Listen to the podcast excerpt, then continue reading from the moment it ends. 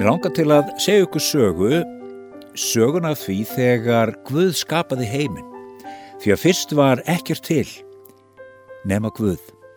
Og svo skapaði Guð heiminn og jörð og það grúfði myrkur yfir öllu. Og þá sagði Guð við sjálfan sig, mér langar til að búa til ljós. Og Guð skapaði ljósið og það var dagur og það var nótt. Þetta er gott, sagði Guð. Nú veit ég, sagði Guði sjálfan sig, hvernig væri að hafa sjó og hafa land?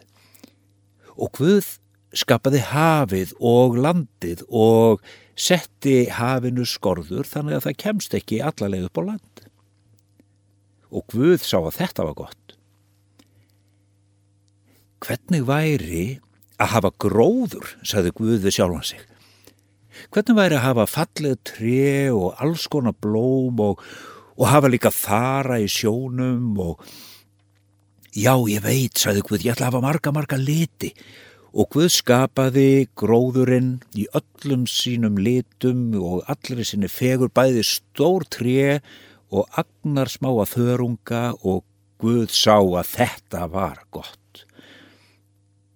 Guð var svo gladur þegar hann horfiði á gróðurinn, bylgjast bæði í, á landinu og í hafinu og þá fór hann að hugsa hvernig væri að hafa fiska í sjónum og fuggla sem fljúa í loftinu. Og Guð skapaði fiskana og hann skapaði fugglana og hann glattist og hlóð þegar að sá hvað allt var fallegt. Þetta er gott, sagði Guð. Ég veit, ég veit, ég ætla að skapa líka alls konar dýr, uh, orma og fíla og uh, kaninur, já og kísur og svo held Guð áfram og skapaði fleiri, fleiri dýr og hann elskaði dýrin um leið og þau urðu til, hann sá að þetta var gott. Guð glattist yfir öllu sem hann hefði skapað og svo sagði Guð við sjálfan sig. Eigum við kannski að búa til mennina. Eigum að hafa menn, eigum að hafa fólk sem að getur passað heiminu með mér, hjálpað mér að rækta og gæta og hafa heiminn fallegan. Ég ætla að gera það. Og Guð skapaði mannin, hann skapaði Karl og hann skapaði konu og hann sagði við þau, þið skuli vera bestu vini mínir og þið skulu líka vera bestu vinir og við skulum hjálpast að við að gera heiminn fallegan og við skulum elska dýrin og við skulum elska gróðurinn og hafið og landið og daginn og nóttina og líka sólina og tunglið og stjórnurnar og allt sem er í heiminum. Eigum við að gera þetta saman, sagði Guð. Og fólkið í heiminum, Adam og Eva sem voru fyrstu mennetir, þau elskuðu hvort annað og þau vildu endilega vera ráðsmenn Guðs á jörðinni og Guð glattist og hann sá að þetta var gott. Komið og sjáuði, sagði Guð við Adam og Efu, má ég sína ykkur? Og hann fór með þau inn í indislegan aldengard. Þetta er eden, sagði Guð. Sjáuði, hérna eru alls konar jurtir og hér eru dýrin og hér líður öllum vel og hérna megið þið vera. Uh, ja, bara eitt, nei það er tvent, sagði Guð. Þið megið ekki borða af þessu tré, þetta er skilningstré, góðs og íls og ekki af lífsenstré sem er þetta tré hérna, sagðan og bendi. Akkur ekki, spurðu Adam og Eva. Það er vegna þess að þá muniði deyja. Já, en hvað eru tvö tré á milli vina þegar við eigum heilan garð? Takk fyrir, sögðu Adam og Eva og þau voru svo glöð og þau voru skotin hvort í öðru og þau voru bestu vinir og þau leittust og þau hlóu og þau leku sér og þau höfðu nóg að borða. Svo var það eitt daginn. Adam var einhver staðar, Eva var einhver staðar og þau voru eitthvað að snöfla. Allt í hennu heyrir Eva rött sem hún hafði aldrei heyrt. Eva, sagði hökkormurinn. Þetta var slóttuasta dýri sem drottin Guð hefði gert. Erst að tala við mig? spurði Eva. Já, ég er að tala við þig. Má ég spyrja þið spurningar? Já, já, sagði hún og leið undarlega. Hvað viltu spyrja um um? Er það satt, sagði högkormurinn, að drottin Guð hafi bannað ykkur að borða af trjánum? Nauts, saði Eva, við megum borða öllum trjám í gardunum nema skilningstrið góðs og íls og lífsinstrið. Nú, akkur megið ekki borða af þeim trjám? spurði höggormurinn og var læfis á svipin og í röttinni. Já, það er vegna þess að við munum deyja ef við borðum af þeim. Bull. Ha? Hvað hva, hva, hva varst að segja, spurði Eva. Það er bull hjá Guði að þið munu deyja. Þið munuð ekki deyja, sagði höggormurinn. Hvað hva meinar þú? Guð veit að ef að þú til dæmis, Eva mín, fengir þér hérna af skilningstrið, góðs og íls, tækir hérna einn lítinn ávöxt og bitir í hann, þá myndi það gerast að þú yrðir jafn vitur og Guð. Og það vill ekki Guð vegna þess að þá yrði hann öfundsjúkur. Ha, ert að segja satt? Já, ég er að segja alveg satt, sagði hökkormurinn. Eva horfi á skilningstýra góðs og íls og sá ávægstina á því og hún hugsaði kannski með sér, já, Guð sagði nú ekki að ég mætti ekki þefa af ávægstunum. Svo þefa hún og hugsaði, já, Guð sagði svo sem ekki að ég mætti ekki snerta ávægstin. Svo snert hún ávægstin. Vá, þetta var spennandi. Já, Guð sagði svo sem ekki að ég mætti ekki halda á honum og þegar hún tók hann og sleit hann af trénu Vá, hvað þetta var gaman og spennandi, hún hefði aldrei hyrt neitt jafn spennandi og það sem Gormur var að segja, hún hefði aldrei haldið á neinu sem var jafn spennandi og þessi ávöxtur og hún vissi ekki fyrir hún var búin að býta í hann. Hún kallaði á besta vinn sin, Adam, Adam, komdu, sjáðu. Adam kom hlaupandi og sagði, Eva, vá, ég hef búin að vera að hugsa þetta allan tíman. Erstu búin að býti ávöxtinn? Já, og þetta er svo skrítið. Ég verða að fá að prófa líka, saði Adam, reyfi ávastur og beitt. En þegar þau voru bæði búin að býta í ávastinn á skilningstrénu, þá horfðuði allt í húnu hvort og annað.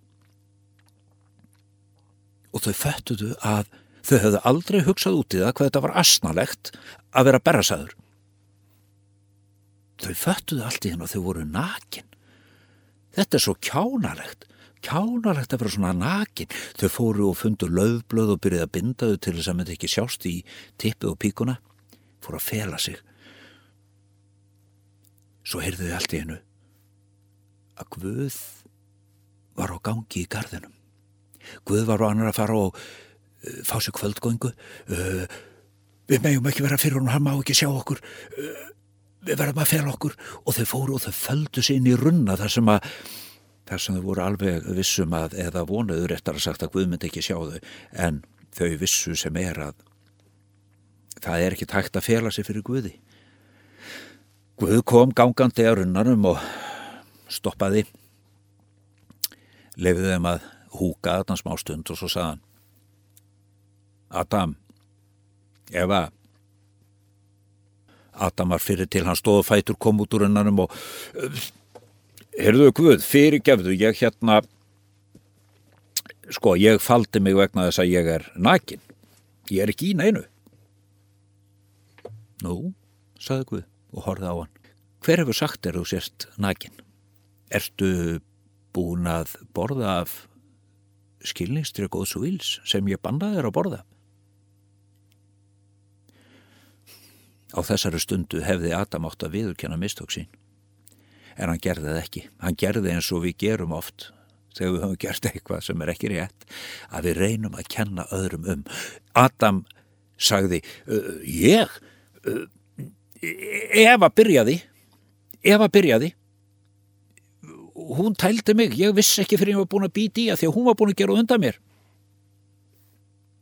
Eva, hvað hefur þú gert, spurði Guð. Ég? Sko, hver skapaði þennan heimskóla höggorm? Ég kann ekki á svona höggorm. Hann plataði mig, hann fór að tala. Ég vissi ekki hann kynna að tala. Ég vissi ekki eins og hann verið hægt að ljúa. þá saði Guð við höggormin. Heyrðu höggormur, veistu það, fyrst að þú gerði þetta, þá möttu aldrei fá fætur. Hinn dýrin fá fætur ef þau vantar þau, en þú mött alltaf skrýða á maganum og borða mold. Það verður ömurlegt að vera höggormur.